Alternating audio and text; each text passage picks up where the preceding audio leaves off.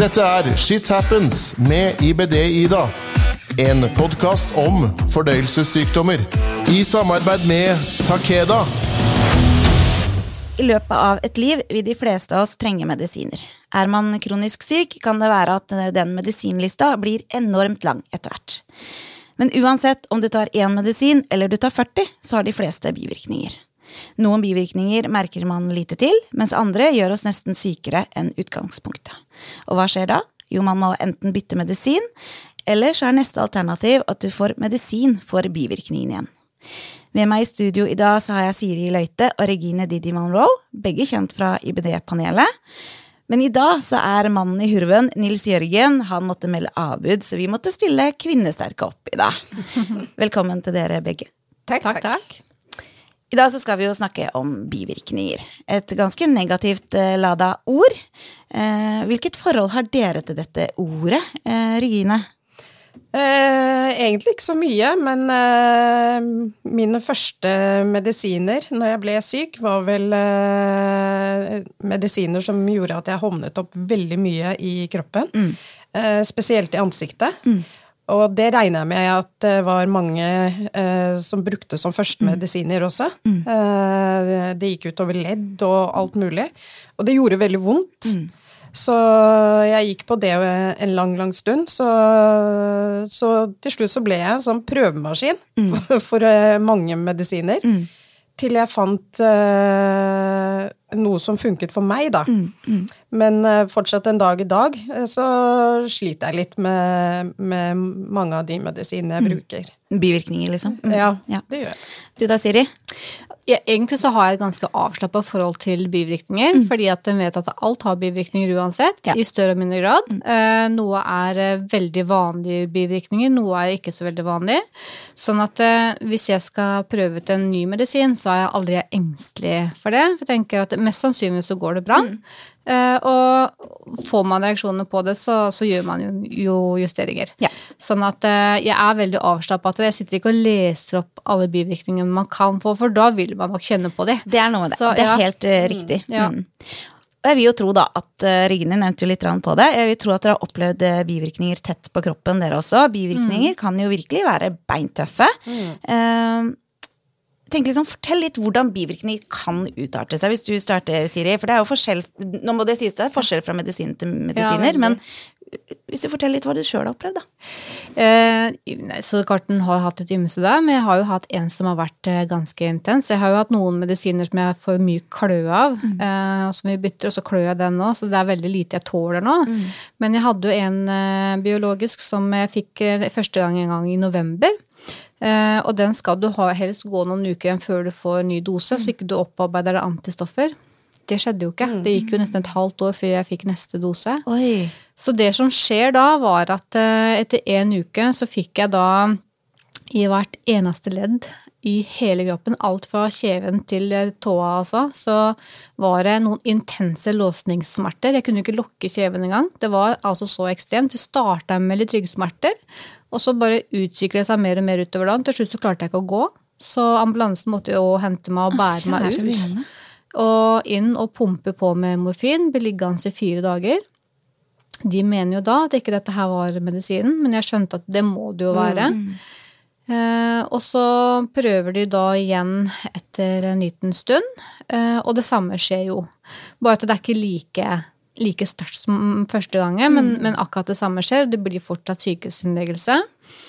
Eh, men de mener fortsatt at ikke det er medisin, for den står ikke på lista. Nei, Den, den står ikke på bivirkningslista. Mm. Eh, enda det her var jo liste egentlig lang som et vondt år ja. på den medisinen, men dette her var ikke en av de. Så, men eh, det har nå blitt en av bivirkningene. Men de tenkte også så lenge ikke det da skjer innafor en uke, altså de første dagene, så er det ikke den. For det skjedde alltid dagen på en uke. Så det var veldig spesielt. Sånn at, men den har de skjønt nå at eh, den, den tåler jeg ikke, så mm. den kan jeg ikke tilbake til. Mm.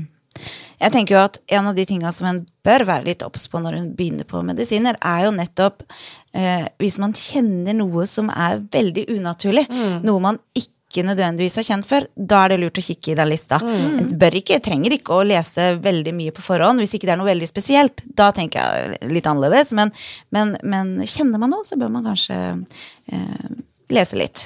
Ja, så det ble jo ikke, En ble jo ikke avskrekka heller, selv om altså, det her var jo en fryktelig intens og forferdelig opplevelse. Men jeg var ikke redd for å prøve den igjen. Jeg prøvde den faktisk to ganger til etter den første gangen som jeg reagerte. For å se det kan jo gå bra, ikke Ja. sant. Sånn at eh, jeg lar meg ikke skremme av Nei. bivirkning, for det kan gå bra. Eh, Så jeg syns ikke på en måte man skal heller la seg avskrekke fra det. Absolutt. Tenk tilbake til dere skulle begynne med medisin for fordøyelsessykdommen deres. Hvem Oi. medisin spiller ikke noen rolle, men eh, tenk litt tilbake i tid. Eh, fikk dere god informasjon om bivirkninger, da? Nei. Nei. Overhodet ingenting. Nei. For det er min opplevelse også, er jo at eh, informasjonen er elendig. Og jeg tenker at eh, det er ikke sånn at nødvendigvis vi trenger eh, mye informasjon, men viktig og nødvendig informasjon kunne vært fint og visst. Mm. for det er jo sånn at noen av disse um, bivirkningene kan være lurt å vite om på forhånd. Vet dere hva dere skal gjøre, da? Hvis dere får bivirkninger som er relativt uh, ille? Ja, hva gjør man da? Eh, hvis jeg kjenner på kroppen eh, med disse biologiske medisinene og sånn, hvis jeg kjenner at det er noe som ikke stemmer, så, og det har skjedd, Ja. så har jeg jo ringt de. For de har jo sagt at det er jo bare å ringe. Ja. Og det gjør jeg jo, men, eh, men så sier de jo at det er ikke noe man kan gjøre med det. Men de har jo ikke gitt meg noen opplysninger om bivirkningene. De har jo bare sagt ok, men da prøver vi en, til, til, og så får vi se om det vil fungere. Men det har jo bare gjort det verre. Så jeg føler at det, du står på, på en sånn, et sted hvor det er bare stille, hvor, det, hvor ingenting blir gjort. Ja. Så, så det, det føler jeg akkurat nå. Du da, Siri? Eh, nei, det har jo aldri vært noe informasjon på medisiner tidligere. Men, men jeg ser jo der nå at det er en stor forskjell på eh, det vi har gått på av tabletter fra eh, tidlig barndom av, av sykdommen, kontra nå som det er veldig mye bra medisiner, veldig mye biologiske medisiner. Det er mye tettere oppfølging nå, og de stiller gjerne spørsmål og har gjerne kontrollskjemaer for å holde øye med eh, ting som de, som de vet kan være en bieffekt da, av medisin. Alt ifra hudsymptomer til alt mulig. Så eh, jeg syns det er en veldig god oppfølging i dag, med god informasjon, men det er klart Jeg, jeg føler at de sitter med mye kunnskap, Ja. men ikke nødvendigvis at vi skjønner hva de ser etter bestandig. For at de kan spørre oss når vi kommer på kontroll eh, Har du fått noe utslett? Og så Hæ. Nei, nei, jeg tror ikke det. Mm. Nei. For vi vet jo ikke hvorfor de spør. Eller ja, har du, har, hvordan har, har du sovet godt i det siste? Ikke sant? Mm. Og de spør jo spørsmåla på grunn av de kontrollerer etter nettopp dette med bivirkninger. Mens vi eh, skjønner kanskje ikke helt hvorfor de spør engang, og tenk, rekker en kanskje ikke nødvendigvis å tenke så mye over det. Kanskje når vi kommer ut, at vi tenker «Nå te- jeg har jo egentlig klødd litt, ikke sant? Ja. Og så må du ringe tilbake og si du, når du spurte meg om det. Mm. Det er én ting av sa- siden av saken. Annen ting er jo at det er ikke alle som tør å si ifra Nei. om bivirkningene deres. hvis De er redd for å mase, redd for å på en måte være til bry. Og det der koster meg ikke en kalori. Nei, og det skal det jo ikke ja, heller. det kjenner jeg. Altså, eh, er det et eller annet som jeg kjenner ikke er som det skal være, jeg tar en telefon, altså. Eh, for å si det sånn, de er der for en grunn, og de brukes. Så eh, i forhold til det du snakka om nå, et godt eksempel på det, for jeg var på um, sånn ettårskontroll eh, nå, Janne, for nå har jeg vært såpass fin at nå går jeg faktisk på én gang i året på Mm. Ja, kontroll. Og da spurte han om hun hadde har noen flekker, altså merker eller, på huden, eksempel. Noen ut, form for utslett eller sånt noe. Tenkte jeg, Det har de aldri spurt meg om før. Mm. Og så tenkte jeg nei, jeg har jo ikke det. Og da glemte jo jeg det. Ja. Det har jeg jo faktisk. Nettopp. Mm. Jeg har begynt å få masse i ansiktet som jeg må jo da kam- kamuflere med sminke. Ja. Så det tok jeg opp da, eh, for da skulle jeg tilbake etter noen uker og få Mm. medisin. tenkte Da kan jeg like gjerne drøye det til da. Men det hadde jo ikke jeg tenkt på, ikke sant. Men, eh, men det har jo vært en eh, issue, da. Og det er et kroneksempel på akkurat Ja. det jeg sa. Ja, ja, Ikke sant? ja. Det der med at man, man skjønner egentlig ikke helt hvorfor man spør. Og så når Nei. man går ut, så tenker man men jo, jeg, jeg har jo faktisk det. Faktisk, ja, ja, ja. Og jeg føler at eh, det er litt motsatt hos meg. Fordi at når jeg kommer ned dit, så er det jeg som stiller spørsmålene. Og det skjer hver eneste gang. Hvorfor føler jeg meg sånn? Hvorfor er det sånn? Hvorfor har jeg vondt i leddene? Hvorfor kommer det?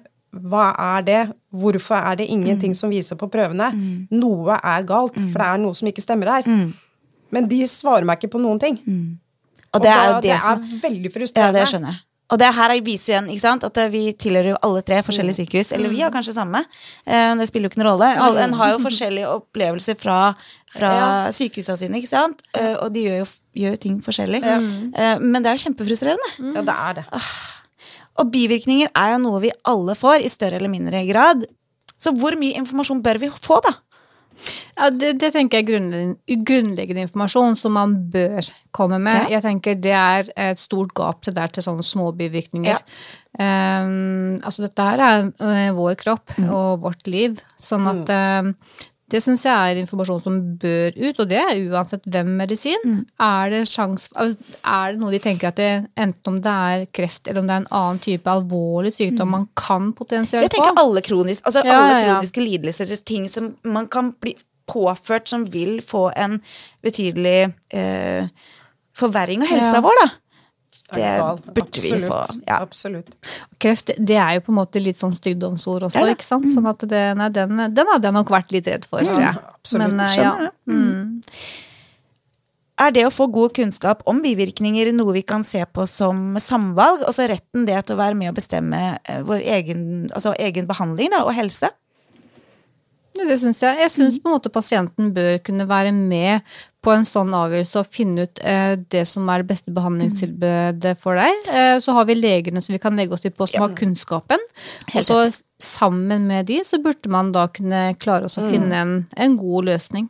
For det er jo sånn at eh, noen medisiner har jo bivirkninger som passer dårligere hos meg da, enn kanskje gjør hos deg. Ja. som for eksempel da at man kan ja, at man skal være for, En medisin da, så må man være veldig forsiktig med sol pga. økt fare for hudkreft eller solbrenthet. At huden blir veldig tynn. Um, det er jo en medisin som kan gå helt fint hvis du bor i Nord-Norge og aldri er ute. Men så har du jo de, eh, de pasientene da, som kanskje bor et halvt år i Spania. Da vil jo den medisinen passe ekstremt dårlig. Og da tenker jeg at dette med bivirkninger også bør tas med i betraktningen da, når de skal velge hvilke medisiner som passer til hvem pasient. Men sånn er det jo ikke i dag. Bivirkninger snakker vi jo lite om. Ikke sant? Vi snakker om eh, passer det for deg Det også snakker de eh, egentlig ikke bestandig om. om eh, vil du på sykehuset og få medisinen din, eller vil du sette den hjemme? Det er jo også et, ofte et valg som blir tatt litt over huene på oss. Men jeg tenker at det er på tide at vi som pasienter får lov til å være med og bestemme. For alle har ikke lyst til å sette sprøyter hjemme, eh, og sliter med det. Noen syns det er et herk, vil gjerne gjøre det hjemme. Vi er forskjellige. Og både dette med bivirkninger, hvordan vi setter medisin, alt dette her bør vi få lov til å være med og bestemme. Tenker jeg. Ja, eh, der har jeg faktisk fått lov til å mm, jeg kaller det hva man å bestemme. For Ja. jeg har sprøyteforbi. Jeg er livredd sprøyter. Selv de bitte små sprøytene, altså. Eh, For jeg har jo gått på sprøyteform òg.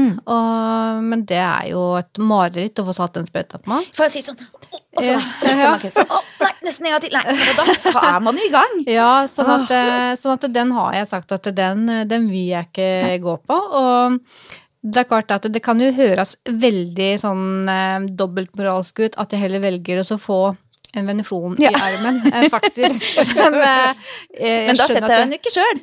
Nei, men altså, selv om de hadde satt sprøyta på meg i magen, jeg skal ikke ha noen sprøyte. Vil, altså, sprøyter, det er eh, sånn at eh, skal jeg operere og ha sånne små operasjoner, så vil jeg helst ha narkose. Jeg vil ikke ha noe som de tilfører masse sprøyter fra lokalbedøvere og sånn. Gi meg heller narkose, gi meg Ja. den i armen, og så er jeg vekk. Ja. Det, altså, men eh, sånn at jeg har fått lov til å være med og styre Så den så lenge ikke jeg vil. Men tror du det at du er så flink til å stå på ditt, og at du formidler hvordan du vil ha det, tror du det gjør, øh, gjør det lettere for deg å få, få det sånn som du vil, kontra om du hadde vært en person som ikke sier så mye? Ja, ja, ja.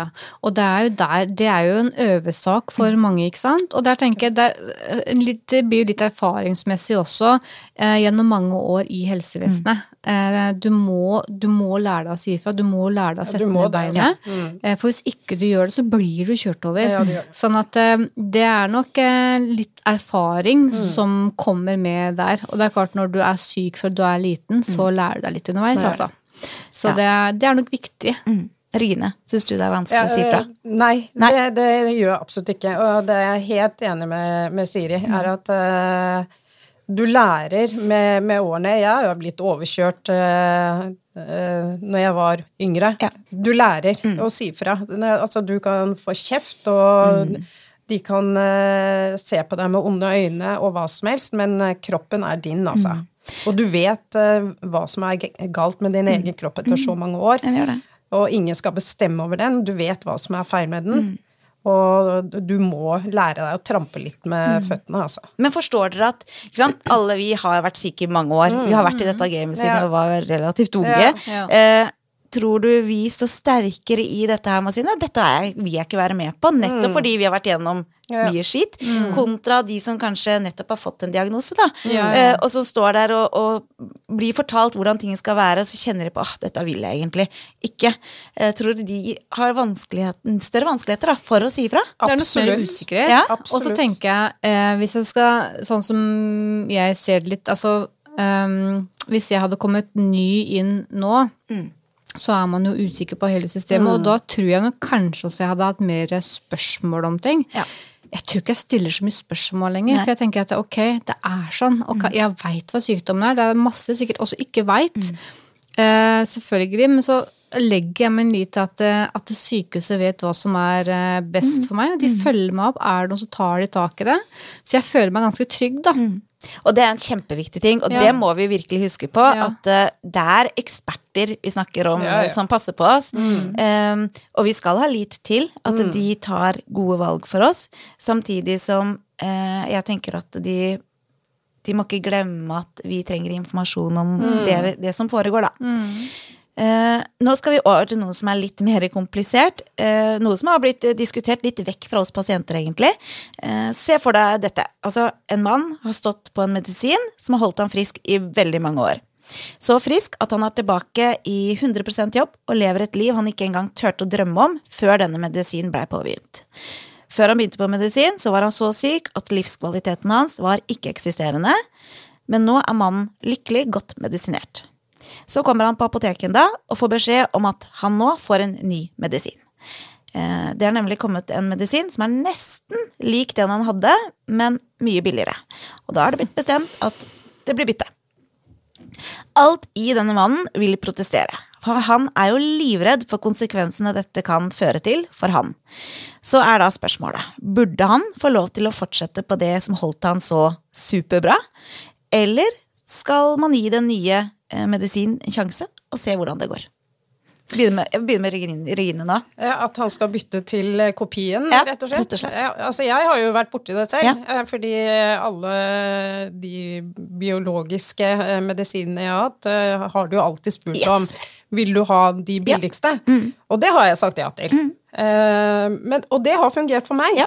Så det har, ikke, det har jeg ikke tenkt på i det hele tatt. Nei. For jeg har jo tenkt at det er jo det samme i de, liksom. Det er bare det at de er litt billigere. Eh, så det har jeg ikke tenkt på, så det har jeg sagt ja til. Så det er i hvert fall min erfaring. Ja, eh, Siri? At jeg syns at det er å, å For det første så gambler du med livet til noen. Eh, når man har fått tilbake livskvaliteten så mye etter å ha vært ødelagt i så mange år, eh, så syns jeg at det, spørsmålet om penger skal være med oss å sette han i en bås. Vet du, det er billig, så den sjansen må vi ta. Um, jeg syns ikke man skal kunne ha den muligheten. Altså. Da syns jeg han skal kunne også få si at det er nei. Eh, men jeg skjønner kanskje det er vanskelig at han syns det er vanskelig å si for at ikke han vil kreve noe, da. Men eh, så er det nok sikkert et dilemma for han der òg. Men det er litt det med at man må øve seg kanskje på å bli litt tøffere igjen da, til også å stå på krava. Men burde ikke han uh, vært inne hos legen før han kom på apoteket? Jo, jo, jo. Han burde jo jo. fått in informasjon Jo. om hva som kom til å skje, Ja. og han burde også fått muligheten til å sagt at dette her kjenner jeg feil for meg. Ja. Ikke stå på apoteket og få på en måte vær så god, her er den nye medisinen din, kjør på. Nei. Jeg kjenner at det blir litt sånn over... Ikke, det er feil å si overtramp, men det blir litt sånn derre eh, Litt å holde tilbake informasjon som er litt viktig for pasienten. da, For Det er hadde man snakka sammen, hadde han vært hos eh, legen og fått på en måte betryggelse da, om at dette her kommer til å gå helt fint, så kan det hende han hadde sluppet å føle Ja. på den redselen han sto og kjente på på apoteket. Um, for det er det med å få god informasjon. Ja, Ja. men det er det som er feil, og det ser man på ganske mange medisiner. Du får en medisin utskrevet av legen, og så kommer du til apoteket, og så vil apoteket bytte. Mm. Dette her er ikke noe eh, legen har tatt Ikke seg på i det hele tatt. Sånn at det her, det her er apoteket. apoteket, så vi velger det rimeligste alternativet. Eh, Ja, her gjelder ikke, det må sies at akkurat her så gjelder det ikke å bytte til det rimeligste. Her er det sykehus, sykehusledelsen som har valgt å bytte, ikke sant. De har jo forskjellige medisiner. Når det kommer et nytt, eh, lages et nytt medis medikament da, eh, som er billigere, så er relativt lik, så velger de å heller bruke det medikamentet. Så det er på en måte det som er greia her, at det er ikke apoteket, men sykehuset som har valgt en billigere Og så alternativ. det er sykehuset, ja. Dette her er ja, for det er egentlig et uvanlig tilfelle. Ja, det har begynt å bli mer og mer vanlig. Ja, for det, jeg har alltid sett at det er apoteket som tar av. Ja, noen gjør det. får noe annet enn det sykehuset sier. Men, Mm. men, eh, men så lenge det er sykehuset som gjør det, der syns jeg at han burde vært inne og konferert eh, og hatt en samtale om på først, faktisk. Den er jeg enig i. Mm. Og der er vi tilbake litt på den der med, som vi snakka om før vi begynte her. eh, At det, der har jeg vært veldig, veldig heldig. Fordi eh, medisinen min er jo, er jo dyr. Ja. Men nå har jeg gått på den i fem år og vært veldig, veldig, veldig fin. Og alle mine prøver har vært veldig, veldig lave. Sånn at uh, legen har jo sagt at eh, i det tilfellet her så har vi rett og slett ikke råd til å la være. Nei. Sånn at du er en av de få da som får lov til å fortsette på den over så lang tid. Så jeg er nok heldig der. Det vil jeg for det er mange si. som havner innafor et kostnadsspørsmål da. Altså. Og det er akkurat det. ikke sant? At uh, kostnad Ja. er viktigere enn livskvalitet. Ja. Men nå over til spørsmål to i denne casen her, da. Ja. Se da for dere at han får den nye medisinen, og redselen hans slår til. For i løpet av ganske kort tid så blir han dårligere og dårligere. Snart så er han faktisk så dårlig at han blir 100% sykemeldt, og med det så har han igjen en livskvalitet som er lik null. Burde han da få lov til å bytte tilbake til den medisinen som han faktisk holdt han frisk? Uten tvil. Ja, uten jeg syns sykehuset burde ta et ansvar, Ja, faktisk. absolutt. Det jeg bruker som eksempel her, er dessverre ikke funnet opp. Det er eh, en del mennesker som opplever å bli fratatt vidundermedisinen sin, og få bivirkninger som er så vanskelig å leve med at eh, det burde vært selvklart da, at de skulle få den medisinen de fikk eh, før. Sannheten er bare den at det er ikke overalt du får lov til å bytte tilbake. Eh, leger er litt bundet på armer og ben, og fortviler over situasjonen de må sette pasientene sine i. Eh, økonomien er så stram på sykehusene at penger blir viktigere enn livskvalitet. Så utrolig trist. Ja, hva tenker dere om Ja, ja. dette?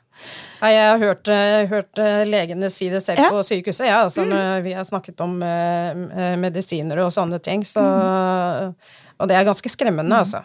Jeg vet om leger som er så fortvila over dette her, eh, som reiser opp og sier at dette her vil jeg ikke være med på. Nei, Eh, helt enig. Fordi de føler jo at de setter pasientene sine i en skikkelig skvis. Ja. eh, Og er, får på en måte ikke lov da, til å Ja. hjelpe pasientene Ja. sine på den måten de burde kunne gjøre. Det har jo litt med menneskerettigheter å gjøre. Ja. Og så er det jo veldig mange aspekter ved den sykdommen her som er ganske nedverdigende også. Absolutt. Eh, og det er klart at når du kanskje havner tilbake til akkurat den eh, nedverdigende biten, den syns jeg ikke Og så hvis en tenker litt stort på da, den økonomiske biten her. Ja. Ikke sant? Ja, det er billig, en billigere medisin, men så mye er det ikke snakk om. Og hvis du da tenker at mannen da er blitt 100 sykemeldt igjen, eh, det blir jo en ganske stor kostnad for samfunnet vårt, eh, det også. Med sykemelding. Ja, sykemelding ja, med flere medisiner kanskje, ikke sant? fordi han får mer smerter. Ja. Altså det er så mange, det er så større kanskje han trenger psykologisk hjelp, for det blir vanskelig å takle psykisk. Kan du ta den, eh, det regnestykket der opp Ja, mot hverandre, da? Ja, det er akkurat det jeg mener. At eh, ja, hvis man ser medisin mot medisin, så sparer man noen tusenlapper. Men hvis man ser hele greia, eh, noe man kanskje bør, ja, Ja. Mm. så er det et helt annet regnestykke. Jeg blir bare trist av det. Altså. Jeg blir ordentlig lei meg. Uh, det er ille for han som Ja. Og det er, det er som sier, det er mange typer. er. Nå er det en spesifikk sak mm. som du har fått igjennom Ja. her nå, og det er jo kjempetrist Det er trist. Ja, ja, ja. Men så må det presiseres da at de fleste tåler jo fint å bytte medisin. Og det nevnte jo du også, Mm. Ja. Regine. At det, for deg har det gått helt heldig. fint. Ja. Eh, men så er det det at for de få da, prosentene som ikke gjør det, så får det faktisk Mm. fatale konsekvenser når de ikke får lov til å bytte tilbake til det Ja. Mm. de gjerne skulle gått på. Ja, og da tenker jeg at pasientens livskvalitet bør virkelig bety mer enn å spare noen Ja. tusenlapper. ja. Vi kunne snakka om dette veldig veldig mye lenger, eh, men jeg tror vi må på en måte eh, sette en strek, eh, og så må vi møtes igjen og snakke mer om dette her. Tusen takk for at dere nok en gang deler deres enorme kunnskap og innsikt, Og ikke takk for at du deler. Mye å komme med. Ja, det er veldig bra. Jeg Ja. syns det er kjempefint å ha dere her. Um, og selv om vi savner eh, Nils Jørgen med vår side, så ja. Ja, så her håper er det vi- tomt, altså. Ja, det er tomt. Det er liksom Ja, ja, en så mangler, det mangler plass. Det mangler en menneske her. Ja.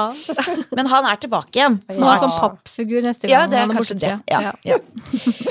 Husk at eh, åpenhet det gir kunnskap, og kunnskap det gir trygghet. Om du som hører på har spørsmål til dagens episode, ris eller ros, ønske om tema, tips til gjest, eller kanskje ønsker å dele din egen historie, så send meg en mail på ibd-ida alfakrølloutlock.com. Du finner meg på Facebook som ibd-ida, og på Instagram som shithappens-med-ibd-ida. Til vi høres igjen, sett deg inn i din egen helse og egne medisiner. Det er kunnskap som kan komme deg til gode ved en senere anledning. Du hørte Shit Happens med IBD-Ida. En podkast om fordøyelsessykdommer. I samarbeid med Takeda.